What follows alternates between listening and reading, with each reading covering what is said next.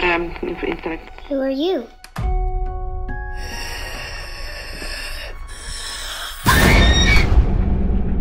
You know it's okay to be scared, right? Yes. Yes, absolutely.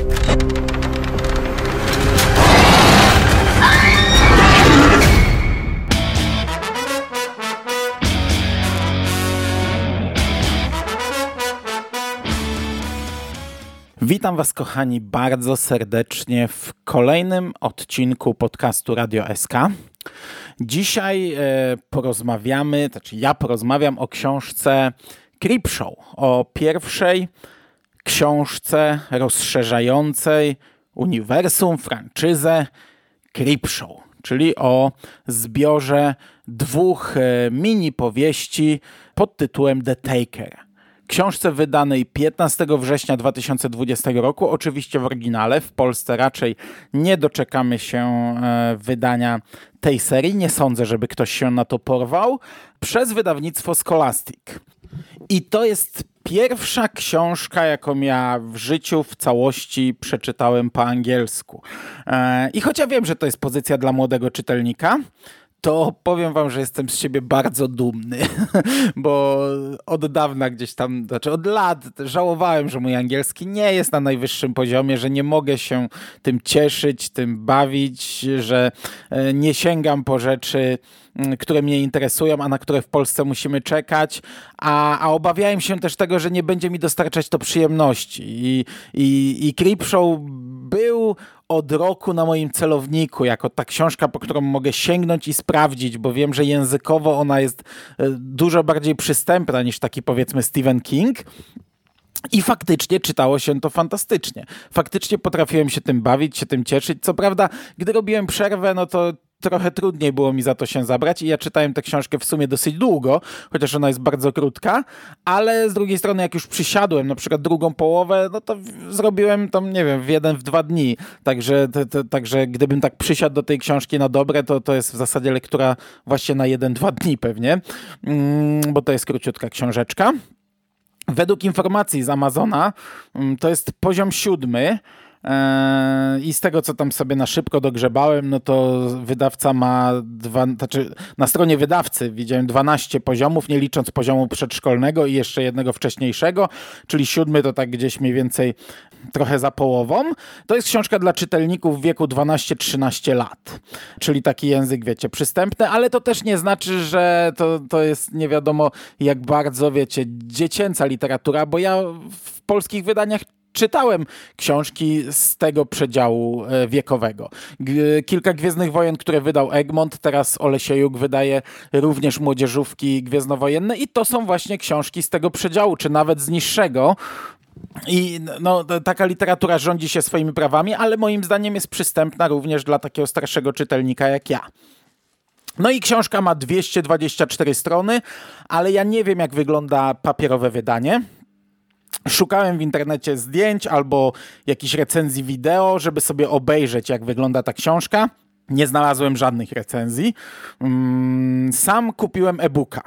E, te e-booki zwykle kosztują około 6-7 dolarów, ale jakiś czas temu trafiłem na Amazonie na jakąś promocję i e, Creepshow The Taker kosztował wtedy 2 dolary, także nie zapłaciłem za to dużo. To, był, to miała być moja próba, czy, czy, czy w ogóle e, dam radę, podołam przeczytać taką książkę.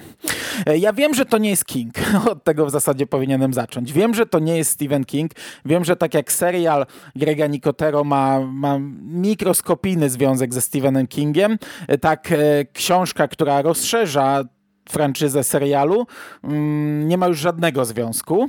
Ale właśnie jest to franczyza, której współautorem jest Stephen King. I ja to powtarzam od początku, od momentu, gdy zaczęliśmy robić te podcasty, które zajmują już całkiem sporo miejsca w Radiu SK, a będą zajmować jeszcze więcej cały czas mówię, że to jest rzecz, którą stworzył wspólnie oczywiście z chociażby George'em Romero Stephen King, więc każde teraz rozszerzanie tego, każde dodawanie kolejnej cegiełki, jak dla mnie wpisuje się w twór e, zapoczątkowany, stworzony przez Stephena Kinga. No i tutaj jeszcze wchodzimy na nowe medium. To nie jest pierwszy przykład e, takiego rozszerzania franczyzy e, na, gdzieś tam na inne media. No bo e, mieliśmy trzy filmy, mieliśmy próbę serialu internetowego, mieliśmy, mamy teraz serial z platformy, no i wychodzą książki, ale zanim e, serial ruszył na platformie, wyszedł też specjalny komiks. Komiks, który był dostępny podczas San Diego Comic Con, wydany chyba przez Heavy Metal Magazine.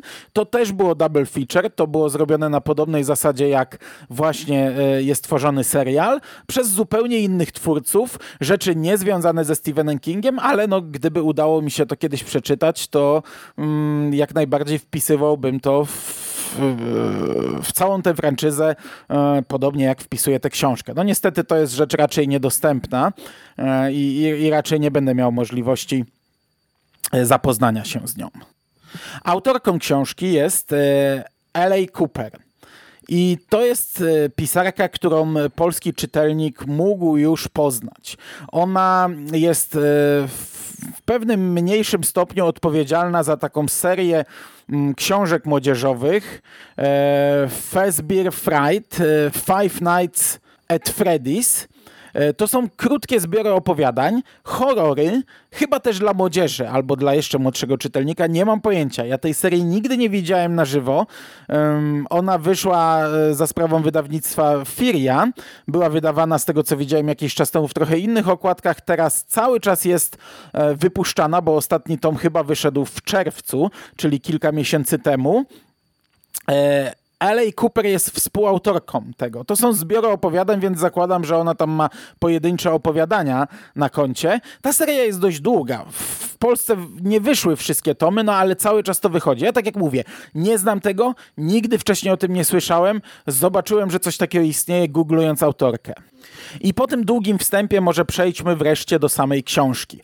Po pierwsze, zachowana jest forma double feature, czyli tak jak mamy w serialu, ale co ciekawe, Creepshow no, bazował na komiksach EC i na e, opowieściach skrypty, a wie, wiemy jak wyglądały, chociażby serial, jak wyglądał opowieści skrypty. Wprowadzenie za każdym razem przez strażnika krypty, taka rama, początek i koniec, intro i outro e, w, w, w krypcie, czy, czy, czy też gdzie, w miejscu, w którym aktualnie przebywa strażnik, e, który opowiada nam tę historię, która jest zapisana w jakiejś tam księdze i zawsze mamy stronę początkową z komiksu, tak wyglądały opowieści skrypty.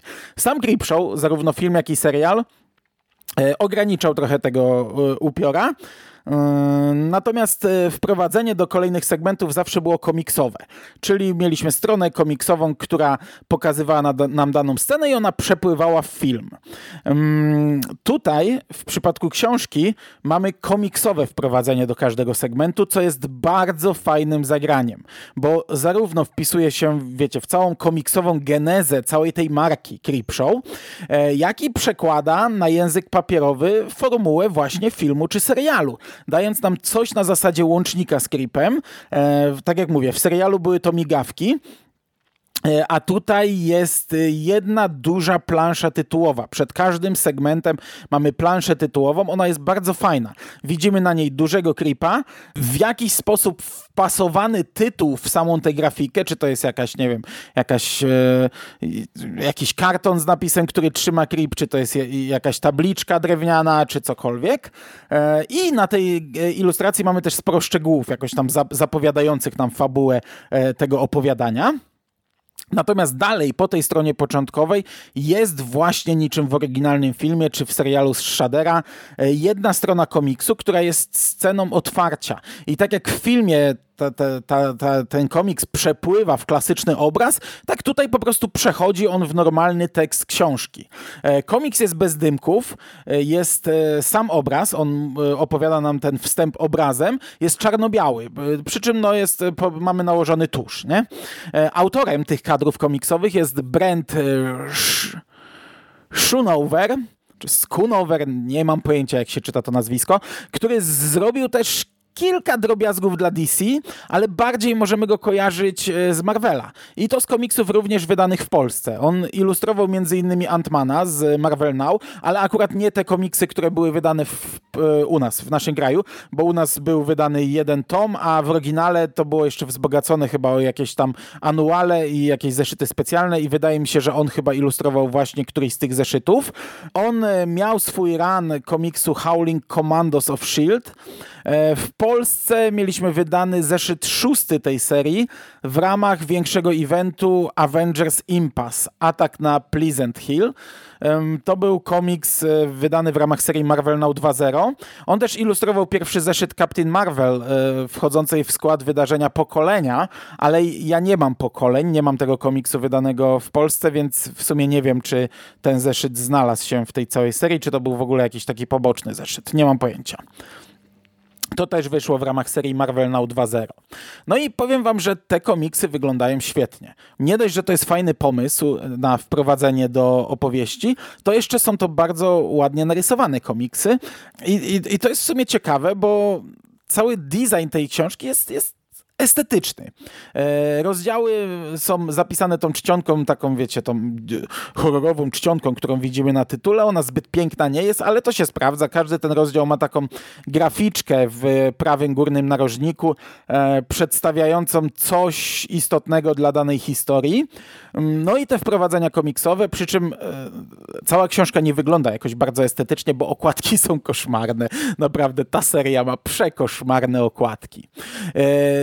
Okej. Okay. I przechodząc do mięcha. Powiem coś ważnego, co, co powinienem powiedzieć na samym początku, no ale mamy e, powiedzmy początek omówienia fabuły, więc wyraźnie zaznaczę, żeby to było oczywiste już teraz i żebym potem nie musiał się powtarzać. E, przynajmniej postaram się nie powtarzać, a pewnie będę. Te książki to są fajne horrory młodzieżowe, ale to do jasnej cholery nie jest creepshow. I ja mam z tym trochę problem, bo ja bardzo lubię młodzieżówki, bardzo lubię horrory młodzieżowe. Kilka razy o tym mówiłem ostatnimi czasy. Gdy byłem młodszym czytelnikiem, kupowałem gdzieś tam R.L. Steina, Ulicę Strachu, Gęsia Skórka i tego typu serie, Szkoła przy cmentarzu. To jest coś, co się wpisuje jak najbardziej w, właśnie w takie serie książkowe. Jeśli lubicie coś takiego, to Creepshow podeszłoby wam bardzo dobrze. Ja lubię młodzieżówki w ramach Gwiezdnych Wojen wydawane. Ja ogólnie lubię literaturę młodzieżową. Nie jestem może jakimś wielkim fanem, nie jestem znawcą, nie jestem bogusią, ale lubię tego typu książki. Natomiast Creepshow, to cholerny Creepshow to jest coś, co jednak narzuca pewne ramy historii. Jeśli słuchaliście nasze omówienia drugiego sezonu e, serialu, no to był tam pewien odcinek kosmiczny, e, rozgrywający się na stacji kosmicznej, który ja chwaliłem jako fajną historię, jako coś, co by się doskonale sprawdziło, nie wiem, w serialu Other Limits, ale uznawałem to do końca za najsłabszy odcinek sezonu serialu Creepshow ponieważ to nie jest Creepshow. I jeśli mm, e, do samego końca mówiłem, że to jest najgorszy odcinek e, serialu, no to książkę powinienem krytykować bardzo mocno, bo to są młodzieżowe, takie delikatne, prościutkie horrorki. To nie jest Creepshow. I, i, I z tym mam problem, bo tak jak mówię, czytało mi się to bardzo fajnie. To jest literatura, którą lubię ale no, narzuca pewne, pewną stylistykę. Creepshow mm, nakazuje, by ta historia e, miała pewną formę, by pewne elementy się w niej znalazły, by, by ona była mm, creepy. Okej, okay. I, I, może spróbuję się tutaj zatrzymać i na tym się zamknąć. I, i że, żeby było jasne, że jeśli ja teraz będę chwalił, będę mówił, że to i to jest fajne, no to miejmy gdzieś z tyłu głowy cały czas to, że po, po, po każdym zdaniu mógłbym dodawać ale, no, tylko że nie chcę tego dodawać, bo, bo recenzja byłaby bez sensu. Przy czym ja jeszcze zaznaczę, że jest to dla mnie dość zaskakujące, że taka seria książek wychodzi. Ja wiem, że ten serial jest dość popularny, ale no przyznam się, że no jeśli ktoś by mnie spytał wcześniej, powiedziałbym, że czegoś takiego nie dostaniemy. E, jestem w sumie trochę zaskoczony i trochę zdziwiony, że Creepshow weszło również, wpłynęło również na te wody. Okej, okay. Tak jak powiedziałem, książka The Taker daje nam dwa segmenty. Pierwszy, tytułowy, The Taker, to jest historia y, głównie dziewczyny, nastolatki, B, która przeprowadza się wraz z rodziną do nowego domu, szklanego domu, tu kreślę cudzysłów, to jest taki nowoczesny budynek, jest tam dużo okien, dużo szkła, to nie ma związku z e, dalszą częścią fabuły, ale tak nam się to sugeruje na początku, że to jest istotne. I, i w sumie te graficzki, o których mówiłem e, w prawym górnym rogu każdego roz, e, początku każdego rozdziału, tutaj mamy właśnie popękane szkło. Poznajemy Bi, poznajemy jej rodzinę, jej brata, jej rodziców, którzy są e, takimi Mm, takimi trochę hipisami, e, znaczy ludźmi, którzy e, no takimi e, luźnymi, ale też z zasadami, przy czym mówię o zasadach żywieniowych, zasadach wychowania i tak dalej, i tak dalej. Od samego początku dowiadujemy się, że coś jest nie tak z pokojem B. On jest chłodniejszy niż reszta mieszkania, chociaż nie jest podłączona klimatyzacja i wyczuwalny jest w nim zapach winogronowej gumy do rzucia. A potem przechodzimy do problemów nastolatki. Mamy cały rozdział o tym, jak, jak, dziewczyna myśli, w co ubrać się pierwszego dnia w szkole. Mamy cały długi wątek o tym, jaki makijaż założyć. Gdy idzie do szkoły, to wiecie, jest, jest tym outsiderem, jest wyautowana na samym początku i te problemy, gdzie usiąść na stołówce, z kim się kumplować, e, do jakiej grupy uderzyć i tak dalej, na jakie zajęcia dodatkowe chodzić. Dowiadujemy się, że w poprzedniej szkole bardzo lubiła tańczyć i chodziła na zajęcia taneczne. Natomiast tutaj grupa taneczna to są te najbardziej popularne dziewczyny w szkole. To jest taka grupa tych lasek, które są ponad wszystkim i które wszystkich upokarzają. No i właśnie ten motyw dręczenia wychodzi na pierwszy plan. Początkowo Bi odstaje od e, reszty grupy, ale odstaje bardziej w duchu, czyli robi to, co one. Na, na samym początku może gdzieś tam e, kilkoma rzeczami się troszkę kompromituje. Gdy idą na kawę, ona wybiera jakiś tam różowy napój, bo, bo, nie, bo nie przepada za kawą, a potem, wiecie, żeby wpasować się w grupę, już pije inne rzeczy. Gdy rozmawiałem o lekturze, one tam mówią, że będą czytać streszczenie, bo po co czytać lekturę, a ona gdzieś tam w duchu wie, że przeczyta tę lekturę i tak w domu, chociaż z nimi uczy się tylko ze streszczenia i tak dalej, i tak dalej, ale E, Bi podąża za tą grupą, Bi zmienia się e, na, na przestrzeni tego opowiadania. I no i w trakcie całej historii e, przechodzi te zmiany na gorsze czyli staje się troszeczkę tym dręczycielem. E, wątek horrorowy, jaki tutaj się pojawia, powiem wam, że na początku jest dość fajny, bo to jest oczywiście nawiedzony pokój.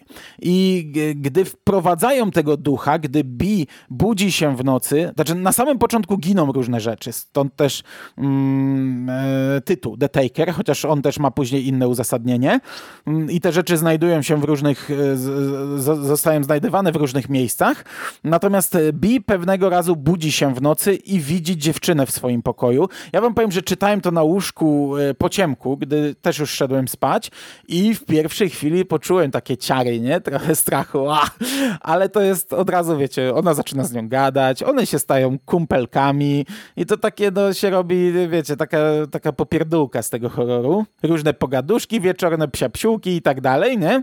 No, ale w trakcie gdzieś tam, gdy zmierzamy do końca, okazuje się, że ta dziewczyna, ten duch, duch, mm, która tutaj jest od kilkudziesięciu lat, jednak no, nie jest do końca taka mm, przyjazna.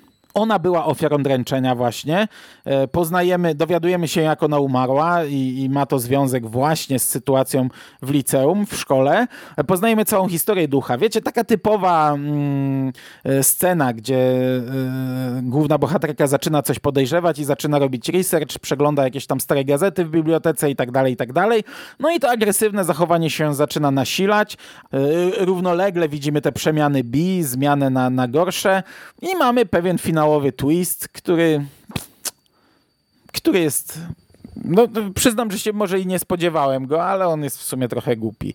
E, nie wiem, czy spoilerować, jak kogoś interesuje, to, to mogę mu w komentarzach powiedzieć, o co chodzi. I w zasadzie to jest koniec. Tu nie ma żadnej śmierci, poza tą e, w, w, e, sprzed kilkudziesięciu lat, gdzie poznajemy historię tej dziewczyny.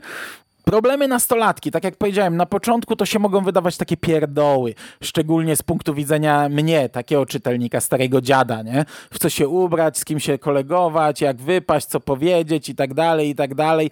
Ale w sumie, wiecie, z punktu widzenia targetu tej książki, mm, to są pewnie ważne tematy. I, i, i może i zaczyna się od pierdów, co się ubrać i, i jak się wymalować, ale potem przechodzi w tematy, o których pewnie warto mówić, nie? w tematy dręczenia, które są e, ważnymi tematami. Czy to jest dobrze podane, czy źle?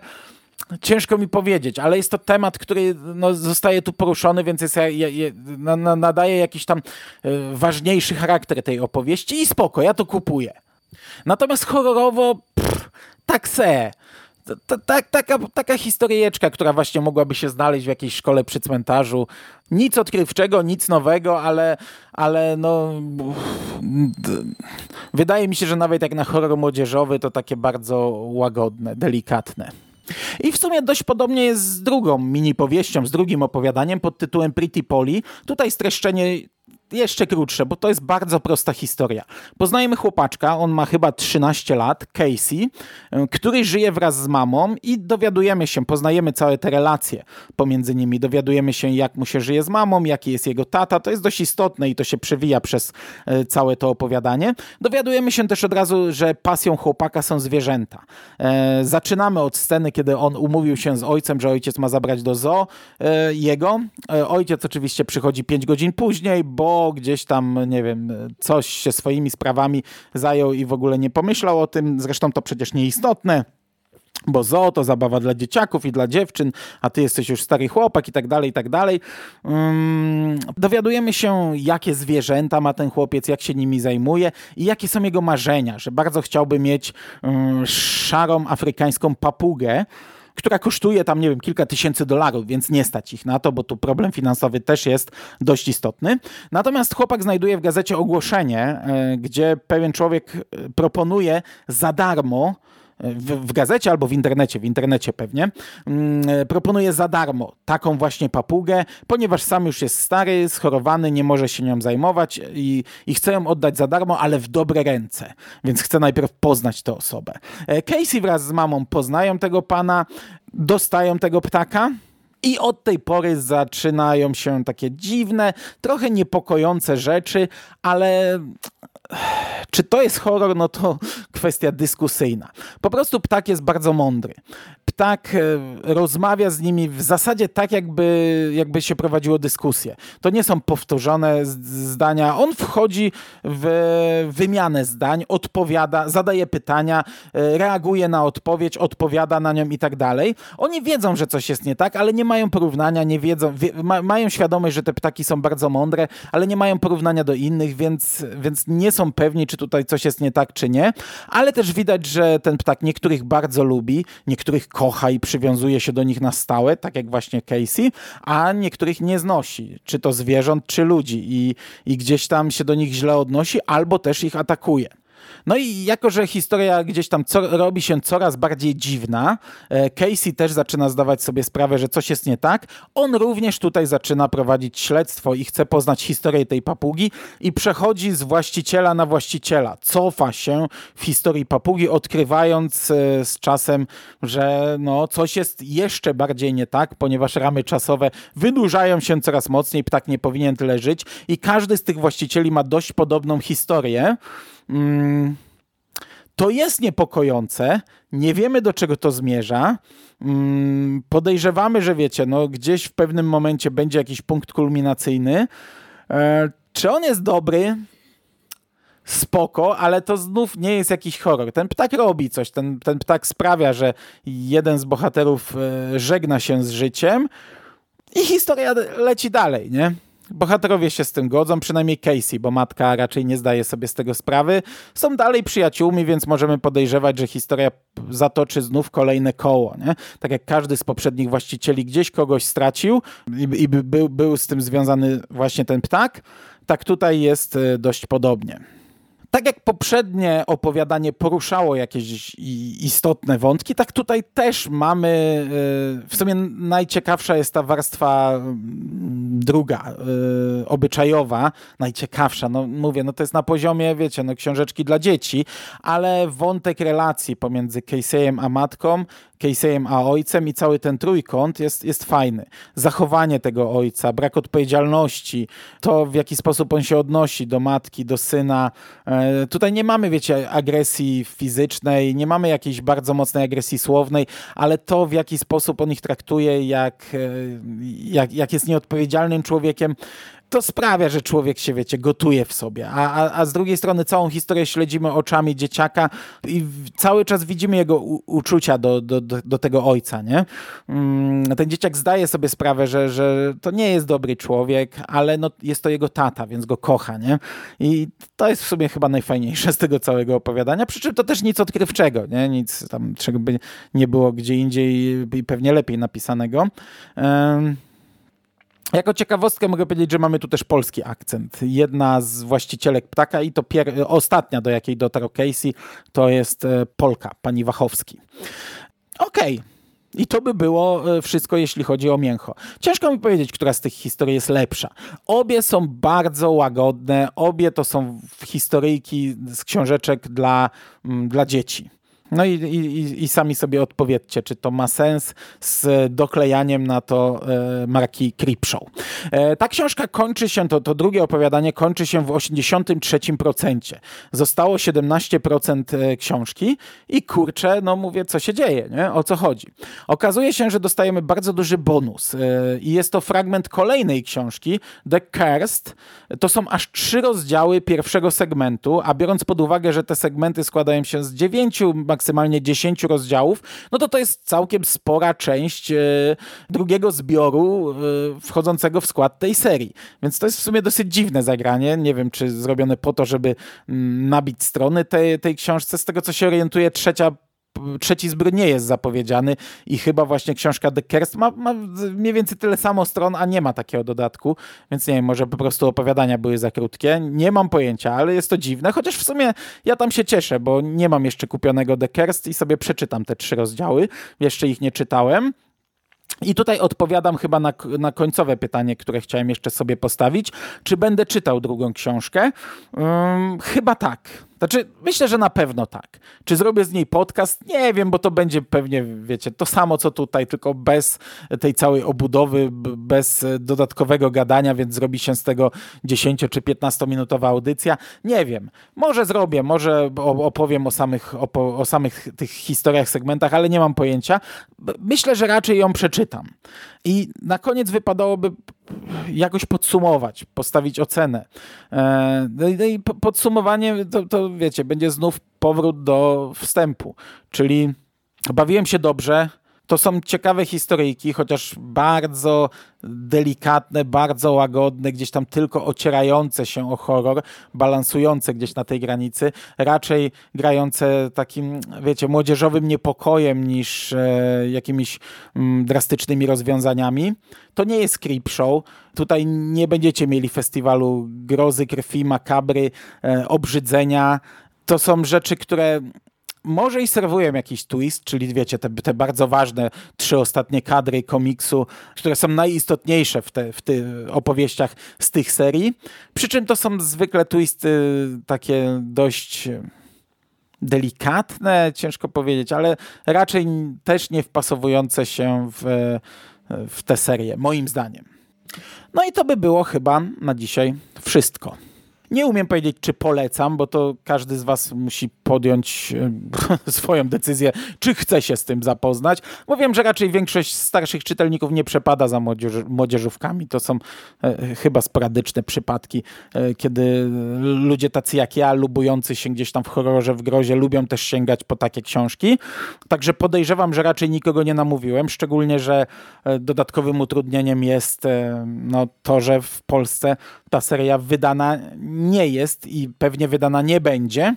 Nam pozostaje czekać na trzeci sezon. Już wiemy, że ten jeszcze w tym roku, więc w roku 2021 tego Creep Show w Radiu SK będzie bardzo dużo. A ja tymczasem się z Wami żegnam. Dziękuję za uwagę. Do usłyszenia w przyszłości. Cześć! You know it's okay to be scared, right? Yes. Yes, absolutely. Oh!